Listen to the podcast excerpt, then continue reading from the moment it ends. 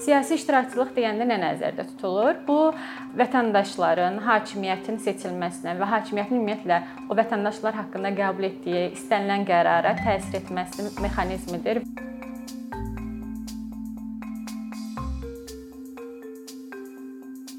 Biz bu gün siyasi iştirakçılıq haqqında danışacağıq və ümumiyyətlə siyasi iştirakçılıq nədir? Bunu hansı formada həyata keçiririk və ümumiyyətlə bunun faydaları nədir? Bununla haqqında geniş müzakirə aparacağıq. Siyasi iştirakçılıq deyəndə ümumiyyətlə bu siyasi konsept olaraq nəzərdə tutulur, amma həm siyasi elmlərin, həm də siyasi sosiologiyanın çox geniş bir araşdırması var bu sahədə və son 70-80 ilin araşdırmaları siyasi iştirakçılığın ümumiyyətlə konsept olaraq çox fərqli yönlərə getməyinə səbəb olubdu.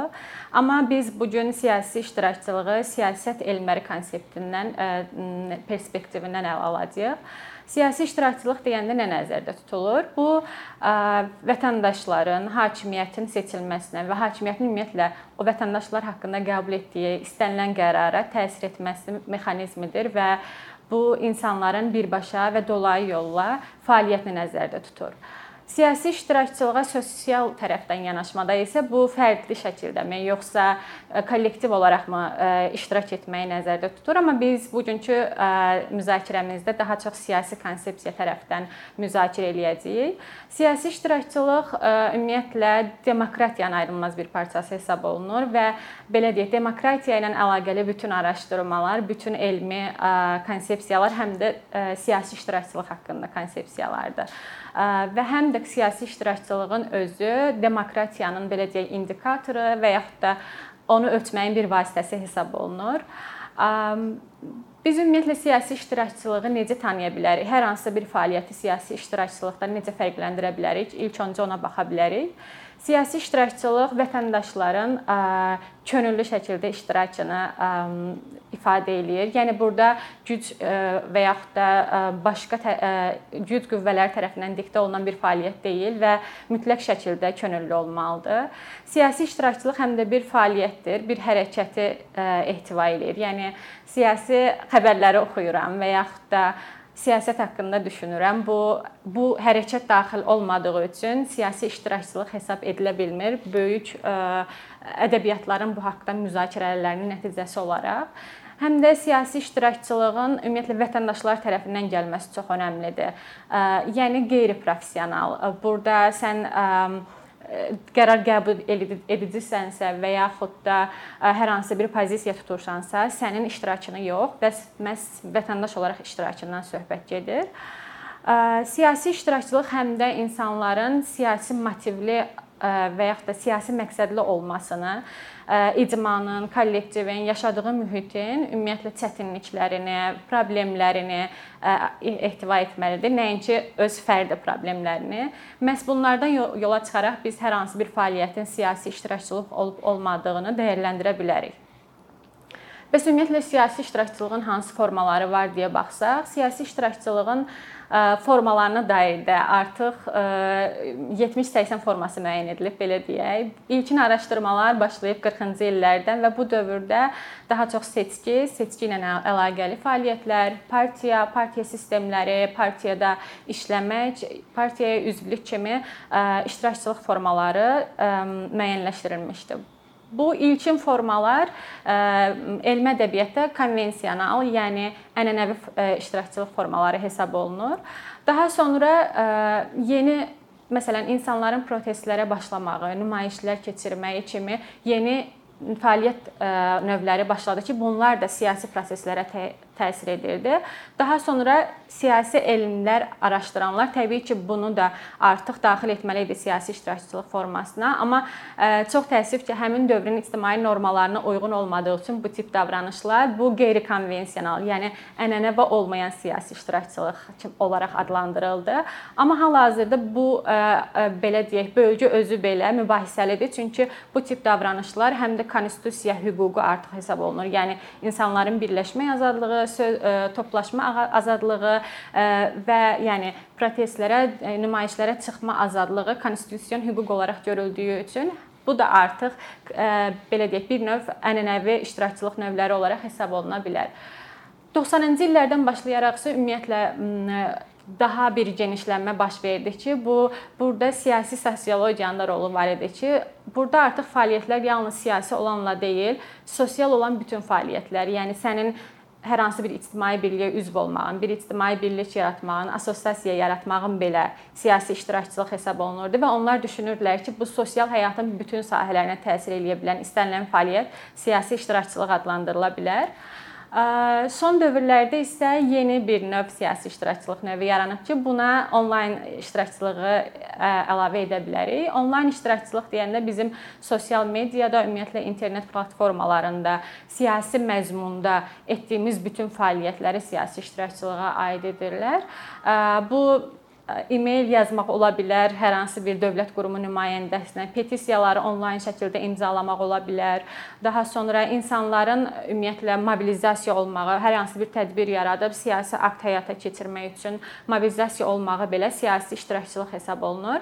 Amma bununla bağlı ümumiyyətlə yenə bir e, debat mövcuddur ki, bu e, nə dərəcədə effektivdir? Onlayn siyasi iştirakçılığı ümumiyyətlə iştirakçılıq hesab etməliyikmi? Çünki onlayn siyasi iştirakçılığın sadəcə virtualda baş verdiyini, gerçək həyata yetəri qədər təsir etmədiyini, insanların belə deyək, bir növ sadəcə o anlıq yaxşı hiss etmələrinə səbəb olduğunu, amma real həyata keçəndə təsir qüvvəsinin olmadığını iddia edən edənlər var. Amma digər tərəfdən həm də bunun yetəri qədər güclü bir vasitə olduğunu, insanların mobilizasiyası üçün xüsusilə, yəni sən 1 saatda qərar verib protest təşkil edə bilərsən və bu internet vasitələrinin gücü ilə, gücü sayəsində baş verir. Təbii ki, bu bu debata nümunə nümunələr də çəkə bilərik, amma ə, məsələn ərəb baharı bunun bir mobilizasiyanın bir aləti ola bilər, amma həm də avtoritar rejimlər üçün bu bir alət olaraq görülə bilər. Nə dərəcə nə qədər ki siyasi iştirakçılıq olaraq dəyərləndirsək də, avtoritar rejimlər tərəfindən propaqanda aləti olaraq istifadə olunursa ki, məsələn, hal-hazırda Ukrayna və Rusiya müharibəsində Rusiyanın öz daxili auditoriyası üçün bunu propaqanda alətinə çevirməsi, sosial medialardan ciddi şəkildə istifadə eləməsi buna nümunə olaraq çəkilə bilər.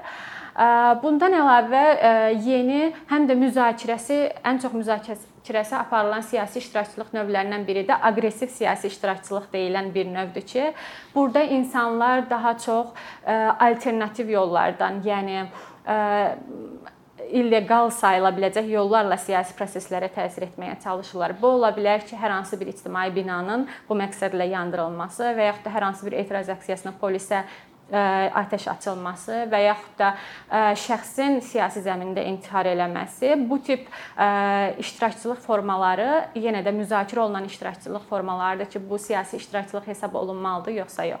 Yəni leqal və yaxud da illeqal olmağı belə müzakirə mövzusudur. Və siyasi iştirakçılıq sadəcə baş vermir. Buna təsir edən təbii ki, faktorlar da var.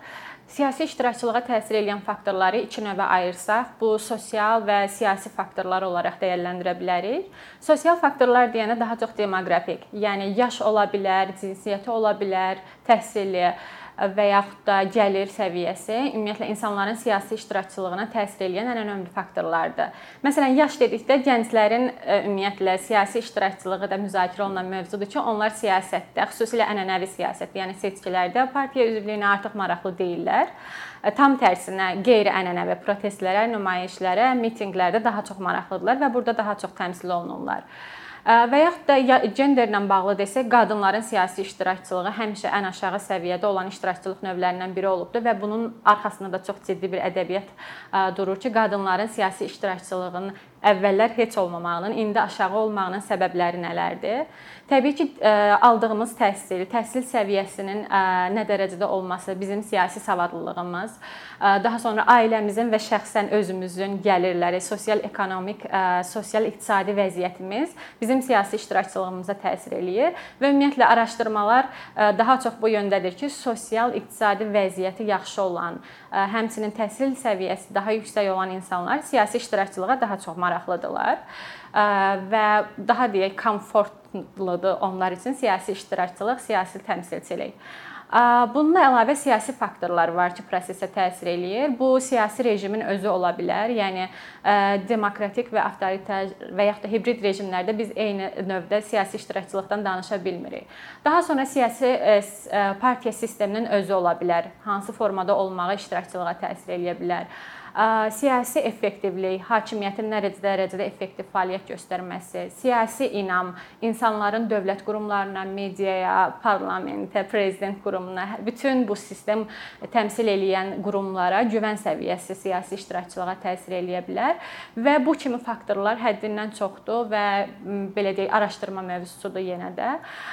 Bundan əlavə həm də demokratik və avtoritar rejimlərdə bu siyasi iştirakçılıq formaları nə kimi fərqlilik göstərir? Biraz ondan danışmaq istəyirəm. Ümumiyyətlə siyasi iştirakçılıq ənənəvi saydığımız, məsələn, seçkidə iştirak ümumiyyətlə demokratik rejimlər üçün belə deyək, yaşama səbəbidir. Çünki həm siyasi iştirakçılıq onun legitimliyini təmin edir, həm insanların, geniş kütlənin birbaşa qərarverici prosesdə iştirakı onun öz legitimliyini isbat eləmək faktı olaraq dəyərləndirilir. Həm də geniş kütlənin belə deyək, iştirakı stabilliyini təmin edir bu demokratik rejimin. Paradoksal tərəfi odur ki, avtoritar rejimlər də siyasi iştirakçılıqda nə dərəcədə maraqlı olmasalar da, həm də bunu yüksək göstərməyə maraqlıdırlar. Məsələn, bunu daha çox avtoritar rejimlərdə görülür ki, seçici fəallığı 100%-ə yaxın göstərilir. Halbuki bu demokratik ölkələrdə belə, yəni məsələn 2000-ci ildə Amerikada 66% keçməmişdi seçici fəallığa. Avtoritar rejimlər tam tərsinə 95-100% arası seçici fəallığı göstərməyə çalışır və bununla həm də legitimliyini göstərməyə çalışır olmadığı halda. Digər tərəfdən demokratik rejimlərdə insanların qeyri-ənənəvi nümayişlər, protestlərdə iştirakı çox təbii qarşılanır və onların konstitusion hüququ olaraq qorunur. Tam tərsinə avtoritar rejimlərdə bu sıxışdırılır və yaxud da baş verən kütləvi istənilən belə deyək mitinq sadəcə hakimiyyətə dəstək nümayiş mitinqi hesab oluna bilər və insanların daim qorxu mühitində yaşaması onların belə deyək nümayiş mədəniyyətinə də təsir edir, davranışlarına təsir eləyir. Həmçinin demokratik quruluşlarda insanların siyasi iştirakçılığı sayəsində demokratiyanın belə deyək uzun ömürlülüyü təmin olunur. Biz avtoritar rejimlərə keçəndə və demokratik rejimlərə baxanda görürük ki, siyasi iştirakçılıq demokratiyada demokratiyanın var olması üçün bir fəaliyyətdirsə və onu belə deyək, onun tərəfindən nizamlanırsa, avtoritar rejimlərdə tam tərsidir. İnsanların siyasi iştirakçılığı tam tərsinə rejim tərəfindən tənzimlənir, onun tərəfindən nizamlanır və bu halda bəzən siyasi apatiyadan, yəni siyasi iştirakçılığın əksi olan siyasi passivlikdən, insanların apolitik olmasından danışılır. Amma e, bu mütləq qeyd edilməlidir ki, siyasi apatiya və apolitiklik rejimdən fərqli olmayaraq istənilən ölkədə, istənilən kontekstdə rast gəlinə bilər və insanların apolitik olaraq və yaxud da seçkidən iştirak etmək istəməməyi avtoritar rejimlərdə onun alternativ olaraq yeni növ siyasi iştirak vasitələrinin yaranmasına yol aça bilər ki, bu siyasi intiharlardır, siyasi məqsədlərlə yol bağlamaqdır deyək ki, siyasi məqsədlər deməyək, amma nümayiş vasitəsi olaraq yolların bağlanmağıdır qrafiti divarlara sloqanların yazılmağıdır. Amma bütün bunlar gizli şəkildə baş verən, amma həm də siyasi fəaliyyətlərdir. Və burdan yola çıxaraq biz deyə bilərik ki, siyasi iştirakçılıq mütləq deyil və bütün demokratik ölkələrdə bütün insanlar siyasi iştirakçılığa meylli deyil və bütün avtoritar rejimlərdə insanlar apolitik deyil. Siyasi iştirakçılıqla bağlı bir də onu vurğulamalıyıq ki, ümumiyyətlə bu nəyə görə avtoritar rejimlərdə baş vermir və yaxud da demokratik sistemlərdə daha çox siyasi iştirakçılıq var? Var olmağı deyil, həm də bu sahədə araşdırmaların aparılması bizə onu deməyə əsas verir ki, demokratik rejimlərdə mühitdən və ümumiyyətlə elmin inkişafından yola çıxaraq orada siyasi iştirakçılığın nələrdən bəsləndiyi, formalarının hansı şəkildə üzə çıxması, ümumiyyətlə siyasi iştirakçılığa təsir edən faktorların nə olduğunu çox geniş bir ədəbiyyat bunun üzərində işləyir. Amma təəssüf ki, avtoritar rejimlərdə bu vəziyyət fərqlidir və avtoritar rejimlərdə insanların siyasi iştirakçılığın nəyə görə olmadığını və yaxud da nəyə görə sadəcə simvolik olduğunu araşdıran çox az sayda araşdırma var və bu araşdırmaların az olması əslində insanların apolitik olduğu kimi bir iddianı imkanın ortaya gəlib çıxmasına səbəb olur. Halbuki bu sahədə araşdırmalar göstərə bilər ki, insanlar qorxu mühitində olduğu üçün və yaxud da bu güc belə deyək, dinamikasından çıxa bilmədiyi üçün insanlar siyasi iştirakçılıqdan siyasi belə deyək, şəxsi qorumaya keçir və alternativ fərqli şəkildə öz ə, hakimiyyətinə və yaxud da qərarvericilərə öz ə, ə, fikirlərini çatdırmağa çalışır və yaxud da ona təsir etməyə çalışır və yaxud da tam tərsinə tə, ə, təsir imkanının olmadığını bildiyi üçün ə, sadəcə siyasi passivlik nümayiş elətdirir. Thank